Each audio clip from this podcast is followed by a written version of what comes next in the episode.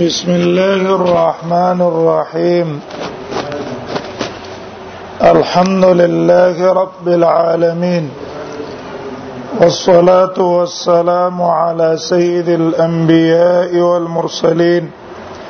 وعلى اله واصحابه اجمعين الفصل الاول عن عبد الله بن مسعود رضي الله عنه قال قال رسول الله صلى الله عليه وسلم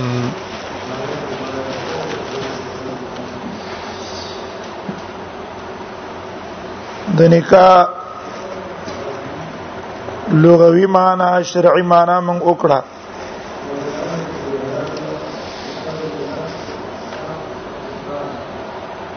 علماء د نکاح د پاره ډیر الفاظ ذکر کړي ثعلبی صاحب دا قول ده چې د نکاح د پاره الفاظ چې استعمال شوی دي په لغت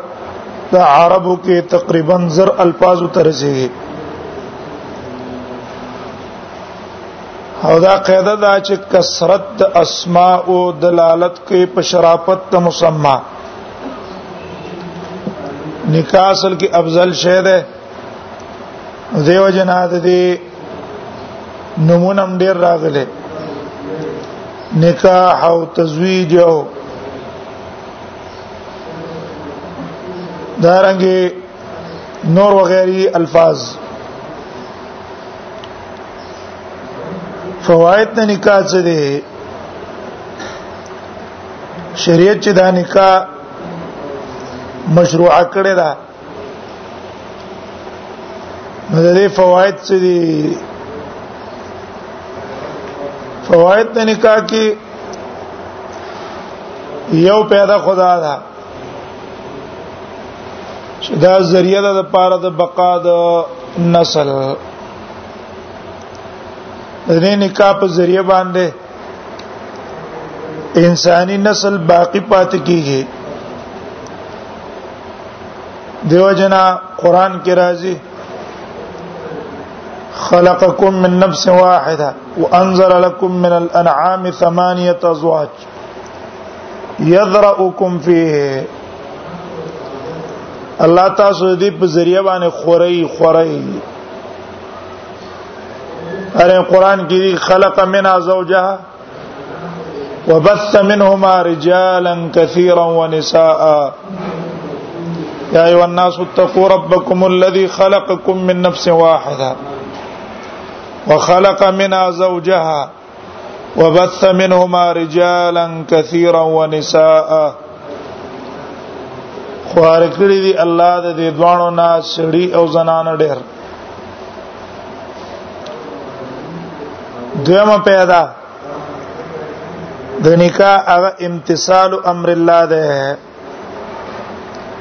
نکاح به سره دې د پاره کوي چې الله په دې باندې امر کړه قران کې الله امر کړه دې فنکحو ما طاب لكم من النساء مثنى وثلاث ورباع دارې قران کې امر دی او انکحوا الايام منکم چا چې نکاح وکړه یو پیدا پکې دا د امتثال امر الله درېمه فائدہ د نکاح امتثال سنت النبي صلى الله عليه وسلم د نکاح کولو په وجه باندې انسان د نبی صلی الله علیه وسلم په سنت باندې عامل ګرځي رستو روایت راشي د نبی صلی الله علیه وسلم کور تدریس صحابه راغلي او د نبی صلی الله علیه وسلم د بیبیانو نه تپوس کړو د نبی سلام د عمل په اړه کې بیبیانو له خبر ورکو فکأنهم تقالوها گویا کې دوی د عمل کم وګڼل خدای ویل چې موږ نبی سلام ته چرته رسیدو هغه ته الله مخکینی رستنی ګناونه ټول معاف کړي دیو په کې ویل زبا همیشه روزه نظام دی بل ویل زبا ټول شپه تهجد کوم درې دریم کسوی الله تزوج النساء بها به وعده نکوم نبی صلی الله علیه وسلم او فرمایله وی زچم اتزوج النساء فمن رغب عن سنتي فليس مني زړه زنانو سره واده کوم او چا چې زما د سنت نه مخواړ او د ازمانه نه ده ومن رغب عن سنتي فليس مني او بعض کسان دا وایي چې النکاح من سنتي او فمن رغب عن سنتي فليس مني دا الفاظ په حدیثو کې نشته النکاح من سنتي او فمن رغب عن سنتي فليس مني اجدادي وتزوج النساء فمن رغب عن سنتي فليس مني چا چې زما د سنت نه مخواړو دا زمانہ ده نه دا نکاح سنت ته د نبی او بلکې د تمام انبیاء اربع من سنن المرسلین څلور خوینه او خصلتونه یې دا تمام انبیاو سنت ده پاره کې یو نکاح ده نکاح روایت ترمذی ده امام ترمذی دا روایت راوړه او قران کې الله د انبیاء مبارک وای چې ستانه مخکې موږ پیغمبران لېګلې دا غیر پاره موږ څه ګرځولي ولقد جعلنا لهم وجعلنا لهم ازواجا وذريه دا غي خزم وي او دا غي اولاد او بچي مو سلورمه پیدا د نکاح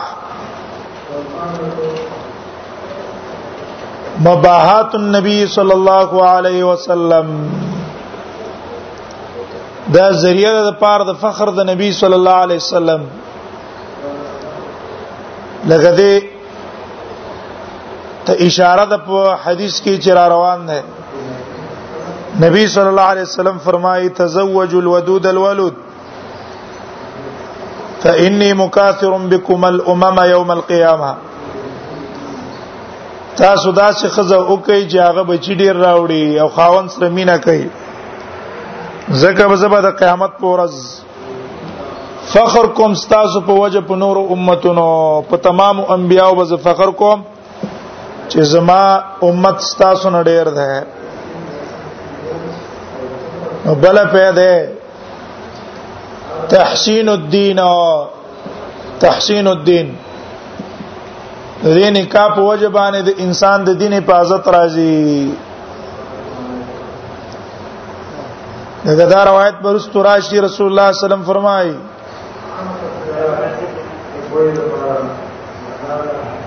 چې چا واده وکړلو واده فقد استكمل د د خپل نیم دین حفاظت کو اذا تزوج العبد فقد استكمل نصف الدين فليتق الله في النصف الباقي واده چې سړی او کې د نیم دین حفاظت یو کو باقی د نیم دین حفاظت ته کید الله نه دی پای کیږي بل پیدا دا دا چې دا صحت ته ذریعہ د پاره د صحت د بدن د دې سره د انسان صحت راځي ذریعہ د پاره د صحت د بدن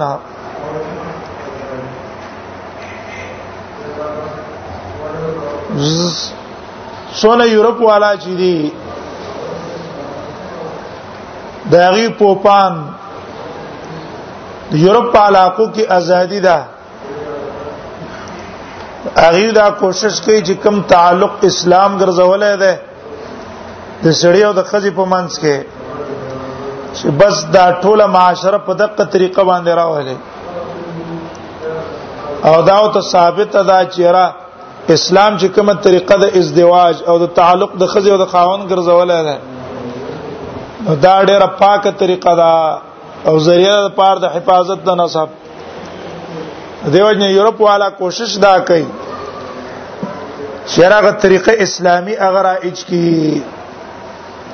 لیکن زمنګ دا کوڅړه به هغه یورپ ته زور کوي یورپ والا د خپل نظام نه تنگ دي یاره اسلام اسلام رایج کی او دی په یورپ پسې لګیدلې دا فواید د نکاح حدیث ته وګورئ بیا به حکم د نکاح په حدیث کې بیان کو الفصل الاول عن عبد الله ابن مسعود اول جل کې به ان شاء الله خبر او شي چر په دې کتاب کې درې فصلونه دي اورین دو فصلونه د مصابيح السنه دي دریم فصل ته خطیب صاحب ده زکه دا د دوه مصنفینو کتاب ده او په اول فصل کې هغه روایتونه دي چې کوم بخاری او مسلم راوړي او په دویم فصل کې د مصابيح السنه هغه احادیث دي چې نور کتابونه راوړي او دریم فصل مصنف کوم چې خطیب دی اگر علی کېدل دا دریم فصل اوس زیات کړه دی او په دې کې بیا د بخاری او د مسلم او د ټولو کتابونو احادیث راوړي چې کوم د باب سره متعلق دي عن عبد الله ابن مسعود رضی الله عنه د عبد الله ابن مسعود رضی الله عنه نه روایت ده د صحابه متعلق احادیثو کې اکثر متعلق د صحابي متعلق باز کیږي او چون کې موږ دویم جلد کې دي کې تکرار ده دیو جنا دا پاول جلد کې کیږي موږ به صرف د احادیث سره تعلق ساتو چې کوم د باب سره تعلق لري او دا غي نه کوم مسله راوځي قال دا وی قال رسول الله صلی الله علیه وسلم نبی صلی الله علیه وسلم فرمایلی دا حدیث امام بخاری راوړه او پای کې تفصیل له عادت هغه خپل چې کوم د باب سره متعلق دغه جمله تر واغستلا او دا د محدثینو طریقه ده چې هغه په احادیثو کې تقطیع کوي اوګه د دې شي او دا اوګه حدیث نه خپل مقصودی هغه جمله تر واخلي دا طریقه زمنګ تاسو په بیان او په وعظ کې مده بار په بیان او په وعظ کې واعظ او مبین اوګه د حدیث نه خپل مقصودی جمله را واخلې هغه الفاظ ذکر کی ټول حدیث ذکر کین نه هغه مقصودی تر واخلې او دې کې پیدا دای چې که هر مسلې د پاره وګدو کو د حدیث راوړي په خډیر وګړه خبره جوړیږي دویم طالب او سامع ته هغه مقصد به په حدیث کې کله معلوم نشي چې یاره دا دونه وګړه د حدیث راغې او کومه مسله چې ما روانه کړې و نو د کوم دې کې کومه جمله د دغه سره مناسبت لري دې د وجنه تقطيع کوي ټول محدثین دا طریقه ده ټول محدثین او دا تقطيع غټو کتابونو بخاری ابو داود ترمذی دي کې چې ګوره هغه دا پکې ذکر کوي چې رمم په حدیث کې تقطيع کوو د اغراضو د پاره حدیث اصل کې دا دی چې عبد الله ابن مسعود خزم راوه رضی الله عنه عثمان رضی الله عنه خلیفہ وو عبد الله ابن مسعود د خځې د وفات نه بعد د سنشات کې نو په خوشحالي کې نو لباس او هيئت او دایره ډېر ډولې نو عثمان رضی الله عنه ځان لکویدل دل تراشه زتا ته خبره کوم نو خبره او تدا وکړه الا نو زوج کجاریه تعالی موږ ځوان جنې په نکاح باندې وکړو شاید چې مخکینه زوړ حالت ته ترایات شي عبد الله ابن مسعود تل چې ټیک ته دا خبره کوي کته دا خبره کوي نو مام د رسول الله صلی الله علیه وسلم نو ریدلی دی چې رسول الله صلی الله علیه وسلم فرمایلی یا معاشر الشباب من استطاع منکم البات فليتزوج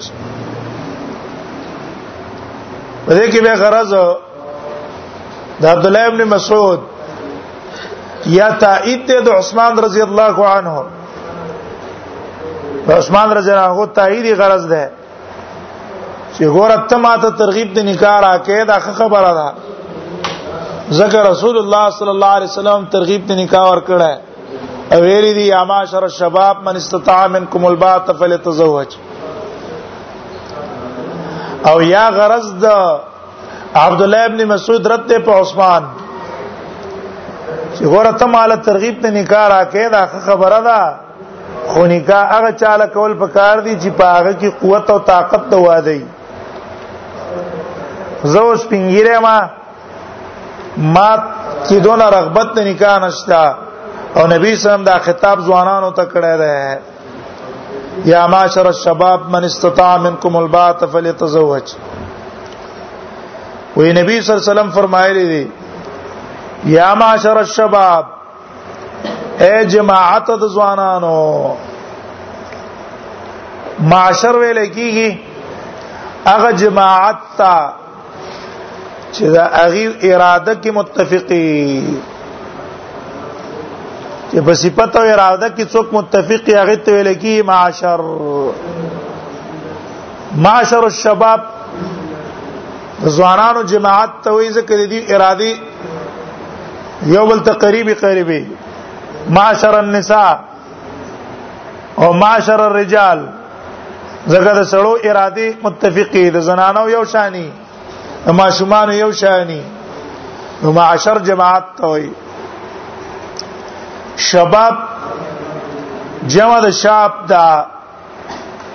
ځوان ته ویل کیږي او شبابه هم جمع راځي شباب اصل کې ماخوذ ده د شب بنا شب ویل کی څه ته استرام بلیدل تا او حرکت تا ځوانانو ته شاب زکوای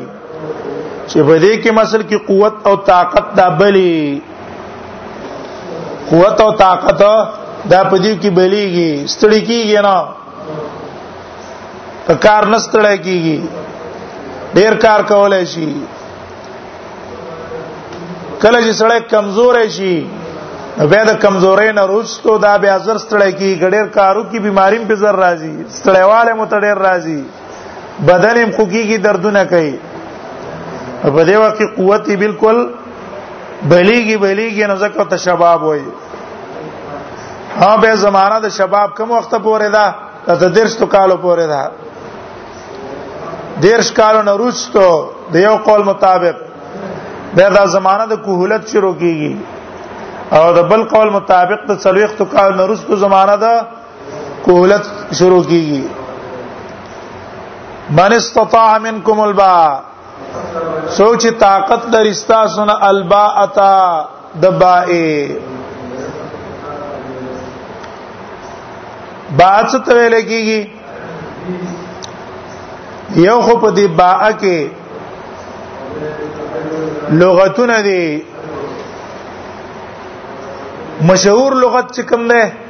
فصیح مشهور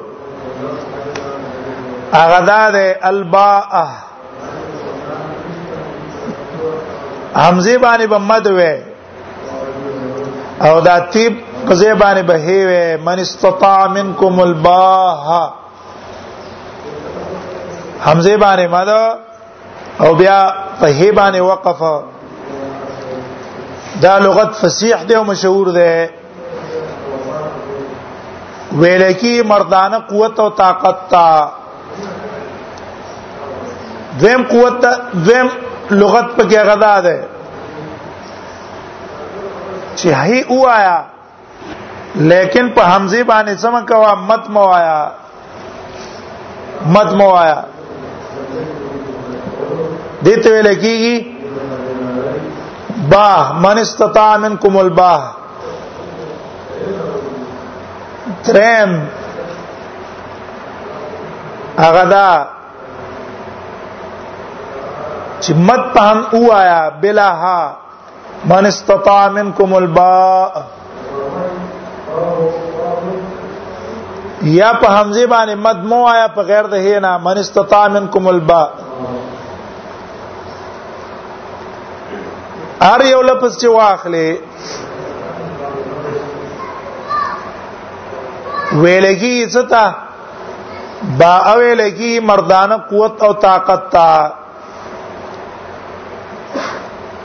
چې هغه ته ویل کېږي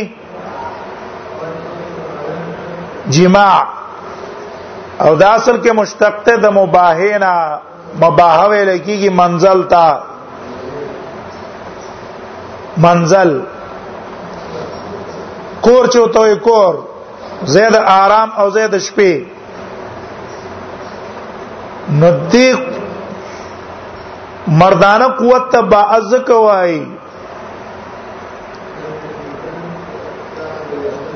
ټیک شو چې دې کې مسل کې سړی واده چې کوي نو خزه برا ولی کور به ول ور کوي به برستو قادری کې په جما باندې او چا ویری چې نه دی با عقد النکاح توای عقد النکاح او دی عقد النکاح ته با ازک وای هر هغه څوک چې خزا وعده کوي من تزوج امراه بواها منزلا سړی چې خزه سواده کوي هغه له کور ور کوي کور به ولا ور کوي نو پس دا غنه به واده کې چې کور دی ولا جوړ کړي نه یا زید ولا پکرې نه نیولای واده سره نه شي کولای زکه تبا اوای خنو د باید دو معنی شوي څه شوي دو معنی یو با امانه ده القدرة على الجماع قدرت الجماع او دویم معنا د مؤونت النکاح مؤونت النکاح دا دو معنی راځي دلته اوس کومه معنا ده نو یو قول د علماو دا ده چې دلته اولنې معنا ده اولنې معنا لغوي چې جماع ده جماع وې دا معنا د جماع منګ ولې اخلو وې وجه دا ده ک معنا د جماع منګ وانه غستلا او په معنا د عقد مو غستلا معنا دم څه واغستله عقد منسنا او اوله معنا واخلا زه انتظر پریوزی وای کدل ته موږ معنا د جما واغستله اول معنا څه شو دلته دغه معنا باندې واخله دا دویمه معنا با اپ معنا د عقد واخله عقد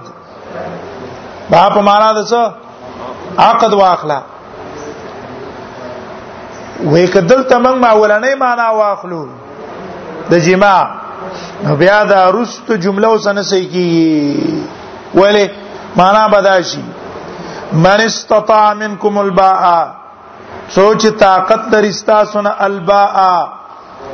د جما کولو معنا مردانه قوت شتا قادر دی په جما فليتزوج دا دی واده وکي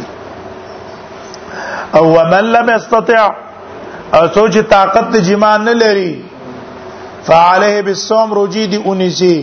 فانه له وجا زګدا روجي نیول د لپاره ماتون کې د شهوت ته دا رستنې جمله د مخ کې سنه لګيږي ولی چې سړی کې طاقت د جما نشته نو روجي نیول ته څه پیدا ده پیدا شته بیا فإنه لو وجاخ معنا دار چې شهوت شته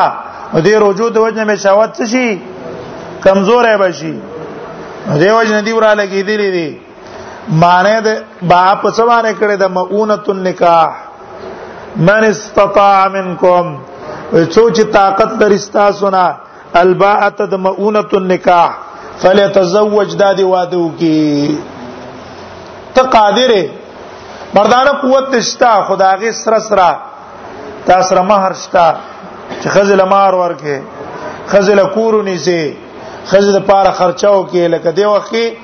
د مہر سره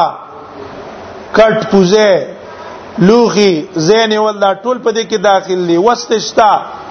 مہر مور کولای شي خزه تا او دا غي د پاره کورم نیولای شي او سامان د وادم تیارولای شي ته بسکه فليتزوج وادو کا فیده دا دا فإنه غض للبصر او احسن الفرج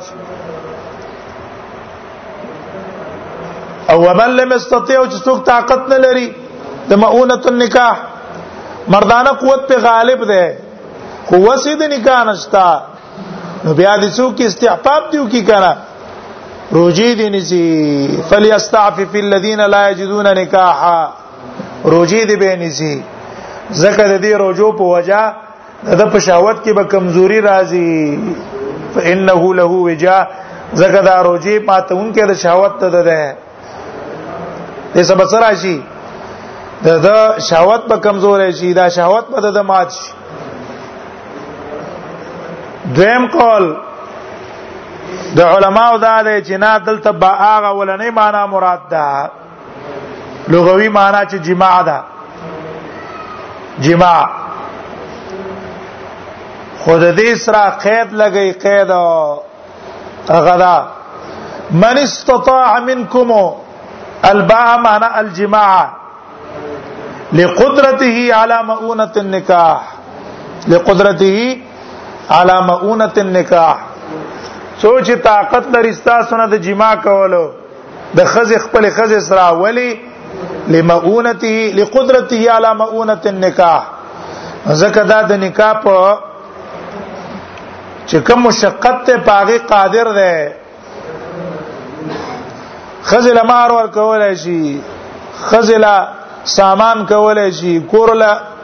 په ګرې نیولای شي را واده کولای شي د واده اسباب ارته وسرشتا او مردانه قوت باندې قادر ده فليتزوج دا د خزو کې دا د زو کې دا د وادو کې ولی پیسې وسشتا مال وسشتا او قادرم په جما ده دله په کاردا دي چې خزه وکي ځکه دې کې فواید ډېر دي فإن وغض للبصر او پیدا دا ده دې ورکی تحسین دي دین کنه خطون کتکون کې انسان د نظر او من لم استطع او سوچ طاقت نه لرلو د جما د جما طاقت نه لري ولې نه لري لعجزه ان مؤونه النکاح ځکه قادر نه په مؤونه النکاح باندې نو څه پیسې شته ده چې انځ واخلي ځان لا نو څه پیسې شته ده چې خزي لمار ورکی او نو وسره وشته چې خزه واده کی چې خزه وکړه دا غین ورسته واده کول وسی بیانې دا عاجز دی څوک څه تعاون او مدد هم نه کوي خپل هم وسنشتا او مردانه قوت او طاقت خو شتا فعليه بالصوم دی وروجی نش روجی به څه کوي روجی باندې سي فانه له وجا زکه دا روزي ماتون کې د شهوت د څه سره راځي شهوت کمزورې کیږي د بعد وخت دغه معنی شي او نه معنا د دې وجنه غستلې چې ورستنې جمله به مناسبت ناراضي د لغوي سره او کچا اولنې لغوي معنا غسته نو هغه به پکې قید لګولې ده نو دغه اعتراض نه ځان بچ کړه ده فليتزوج نکاح دیو کی فانه غض للبصر فليتزوج دا د پاره د امر ده امر دا امر د وجوب د پاره ده که استحباب د پاره ده د اهل ظواهر مذهب دا دی چې دا امر د پاره د وجوب دی اغه وی الاصل فی النکاح الوجوب اصل په نکاح کې وجوب دی یا تسری ده اصل په نکاح کې یا وجوب یا تسری یا بزان لا انځ اخلي او یا بزان لا وعده کې دا اصل له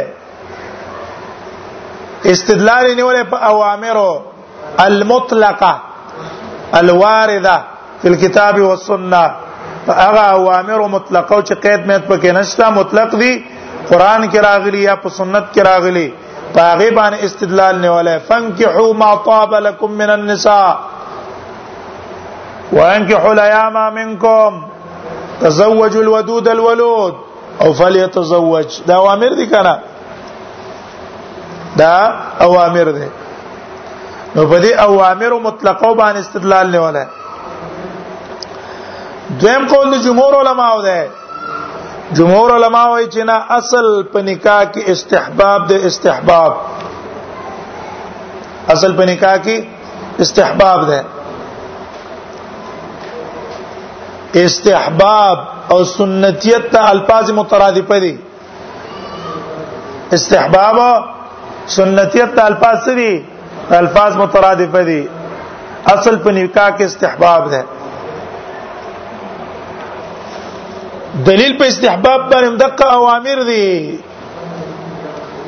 اوامر ولی اقل امر څه ده اقل امر استحباب ده اقل امر استحبابي او اوامر مطلقه دا د وجوب د پاره یی چې کله قرینه صارفه نه د وجوب نه استحباب تا او موږ سره قرینه صارفه شتا قرینه صارفه څه ده هغه احادیث چې احادیث دي چې رسول الله صلی الله علیه وسلم تعبیر کړي په سنتیت فمن رغب عن سنتي دارنګ اربع من سنن المرسلین اربع من سنن المرسلین نو دغه احادیث صارفه دي د وجوب نه استحباب ته دویم قرینه موږ سره وي دا دا چې رسول الله صلی الله علیه وسلم په زمانہ کې ډېر الکان او صحابه وو هغه ودونه نو کړی رسول الله صلی الله علیه وسلم ته امر نه کړای امر یو تا نه ده کړی صرف ترغیبات بیان کړی که واجب وین رسول الله صلی الله علیه وسلم با هغه ته حکم کړی دیو جنا ابو غدا یو کتاب لیکل دی العلماء العزاب الذين آثروا العلم على الزواج اغه علما اغه واده اغه ودونه نه دي کړی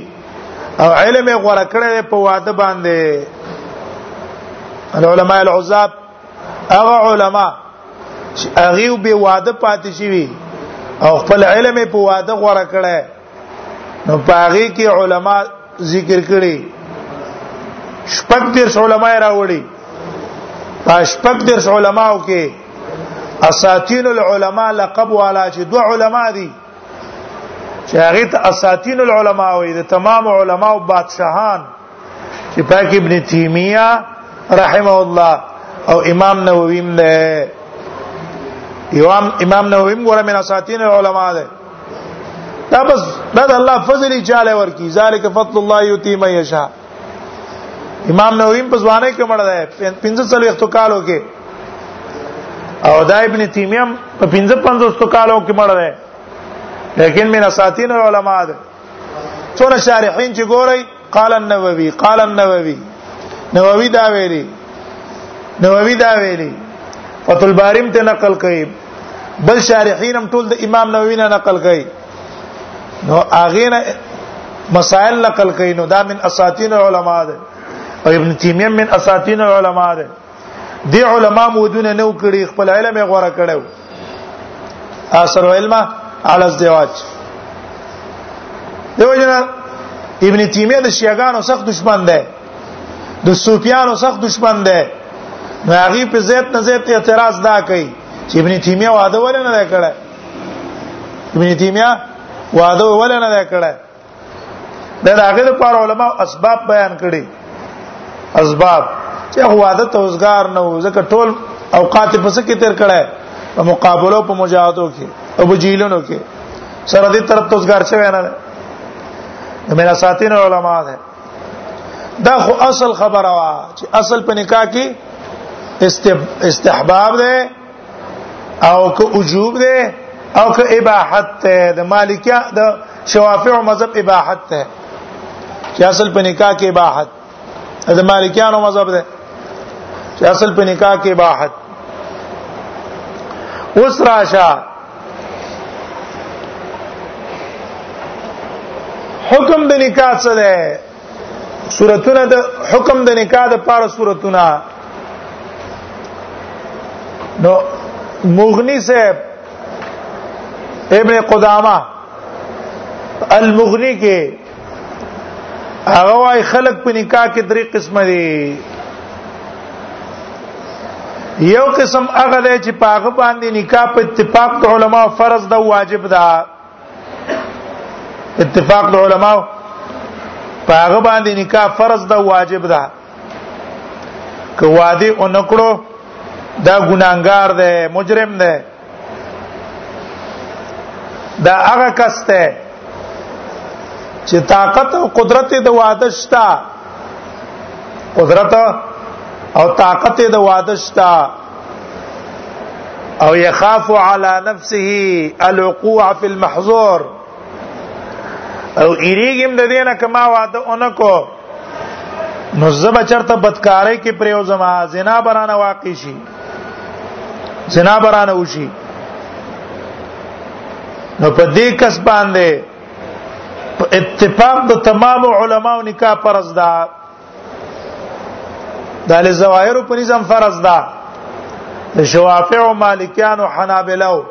د دې ټولو په نسبت باندې نکاح فرض ده وجه اصل کې دا ده چې وې په دې سړي باندې یلزم علی اعفاف نفسه وسونها عن الحرام په دې سړي باندې دا لازم دي چې خپل ځان د زنا نه وساتي او ځان د حرامو نه وساتي او د دې حرامو او د زنا نه د بچ کېدو طریقه څه ده نکاح نکاح ده نو ولی دا تاسو ویل دي چې لیل وسائل حکم المقاصد وسیله په حکم د چا کی په حکم د مقصد کی په دې سړي باندې د اذان ساتل د جنان فرض دي او ذریعہ د دې څه ده نکاح دا ما لا يتم الواجب به الا به فهو واجب واجب باندې چې کوم شي اتمام راځي نو دام په حکم د وجوب کې ده دا هم په حکم د وجوب کې دا هم واجبي په دې سړي باندې د ځان ساتل واجب دي دیو جن په د باندې دا فرض دي چې واده بکړي دغه قادر دی په نکاح او دا اوامر اصل کې هغه ته متوجي دي فليتزوج او تزوج الودود د خزي سواده وکي دیم حالت هغه دا ده چې انسان ده قادر ده په نکاح کولو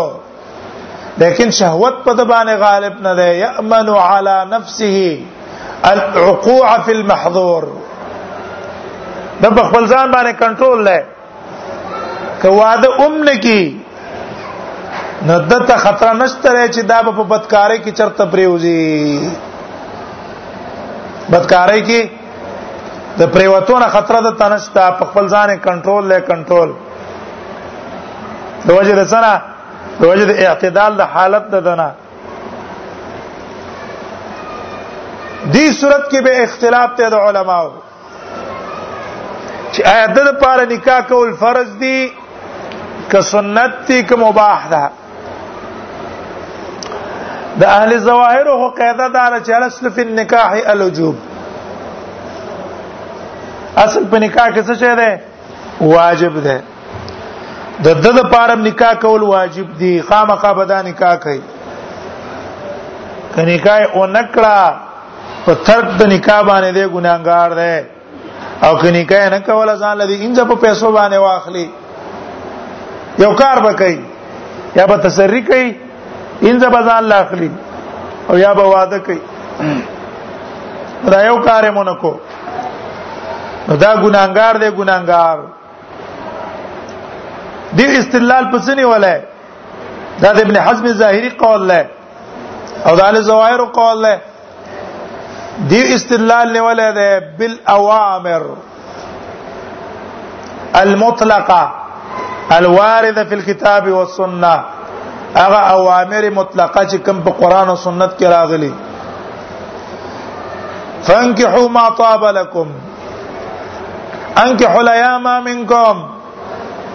فليتزوج او تزوج الودود الولود هغه استدلال نه ولا دویم است او دا اوامر د وجوب د پاره دي دویم استدلال نه ولا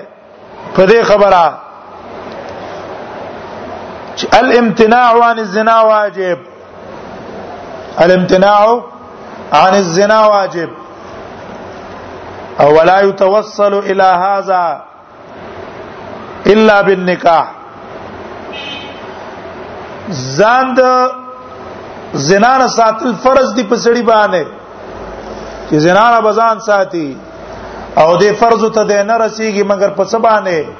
الا بالواجب الا بالنکاح او الا بالتزويج او مخکې تاسو ویل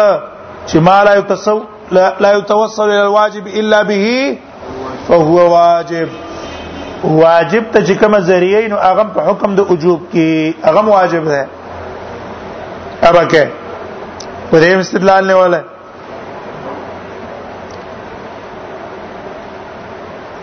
دیم قول د امام شافعی رحمه الله ده امام شافعی رحمه الله وايي اصل په نکاح کې په دې په دې حالت کې باحت ده صورت معلوم کو په دې حالت کې باحت ده د لپاره نکاح مباح ده که کوي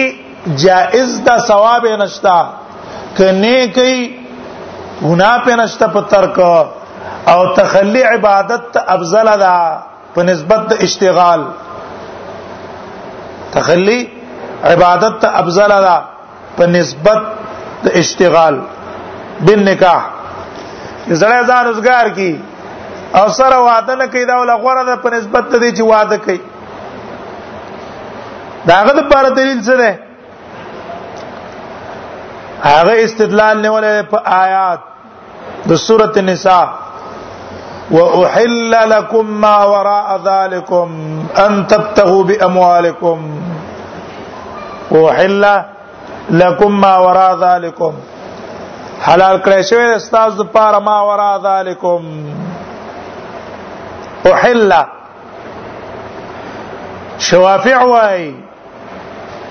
چې ګورا محلل او مباح دا دوه الفاظ مترادفه دي دا څنګه دي محلل او مباح دا الفاظ مترادفه دي او حل معنا څه ده نکاح تاسو له حلال کړی شوی دا محلل ده محلل معنا څه ده مباح ده نو محلل او مباح دا دوه الفاظ مترادف دي یو دویم دا لفظ دی لکم احل لکم دا لکم چې کوم ځای کې استعماليږي نو دا استعماليږي په مباحو کې لکم چې چرته استعماليږي دا په مباحو کې استعماليږي دریم وي تخلي عبادت ته افضل ده وجه ده ده چې النکاح سبب يتوصل به الى قضاء الشهوه وې نکاح دا یو سبب ده چې د دې په وجه سره خپل شهوت پوره کېدو ته ځان رسي اے نکاح ذریعہ ده شهوت پوره کېدل ذریعہ ده نو تخپل شهوت د پوره کېدو د پاره به تخزه کې چې تاغه نه شهوت پوره کې او دا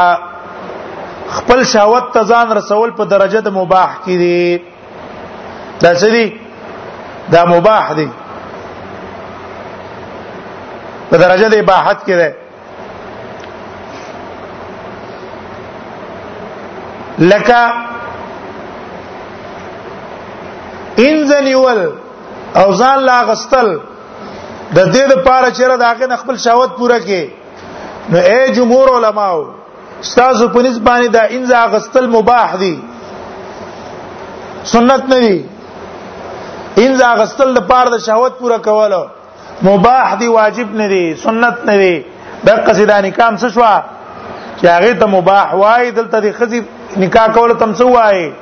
مباح ته وای واجب ته مو وای سنت ته مو وای مستحب ته مو وای څلورم دلیل داغه دا ده وای قضا د شهوت ایصال النفع الى النفس قضاء الشهوه ایصال النفع الى النفس دا واده کول خو اصل کې خپل شهوت پوره کول دي څه دي دا واده کول ځان خپل شهوت تر رسول دي او ځان او شهوت پوره کول ځان ته پیدا رسول دي کنه او ځان ته پیدا رسول په انسان واجب نه دي وزا لا یجب علی المرء په سړی دا لازم نه دي چې ځان ته پیدا ورسای دیو جنا بس دا واجب نشو بل دلیل دا ده وای ګوره قرآن کې الله تعالی د یحیی علی السلام صفت کړه ده به ترک نکاح چې زبر تعالی صدر کما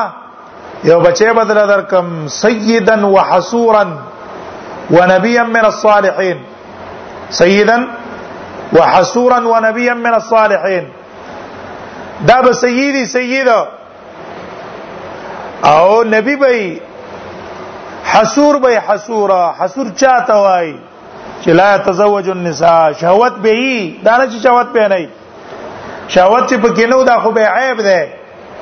نه شهوت شتا خو سره د شهوت نه واده بنه کوي الله صفت یحیی علی السلام وکړو به ترک النکاح نو که چرته نکاح کول افضل وې یا مستحب وې نو لما مدح یحیی به ترکه د یحیی علی السلام صفت بنوي کړې شوې په ترک د نکاح باندې دا غ صفت او توصیف باندې وکړی شوی بلکې صفت با الا ولا شوی وی چې د وعده کړه نو دیو جن دا په درجه د مباح کې ده دریم قول دا د جمهور علماو ده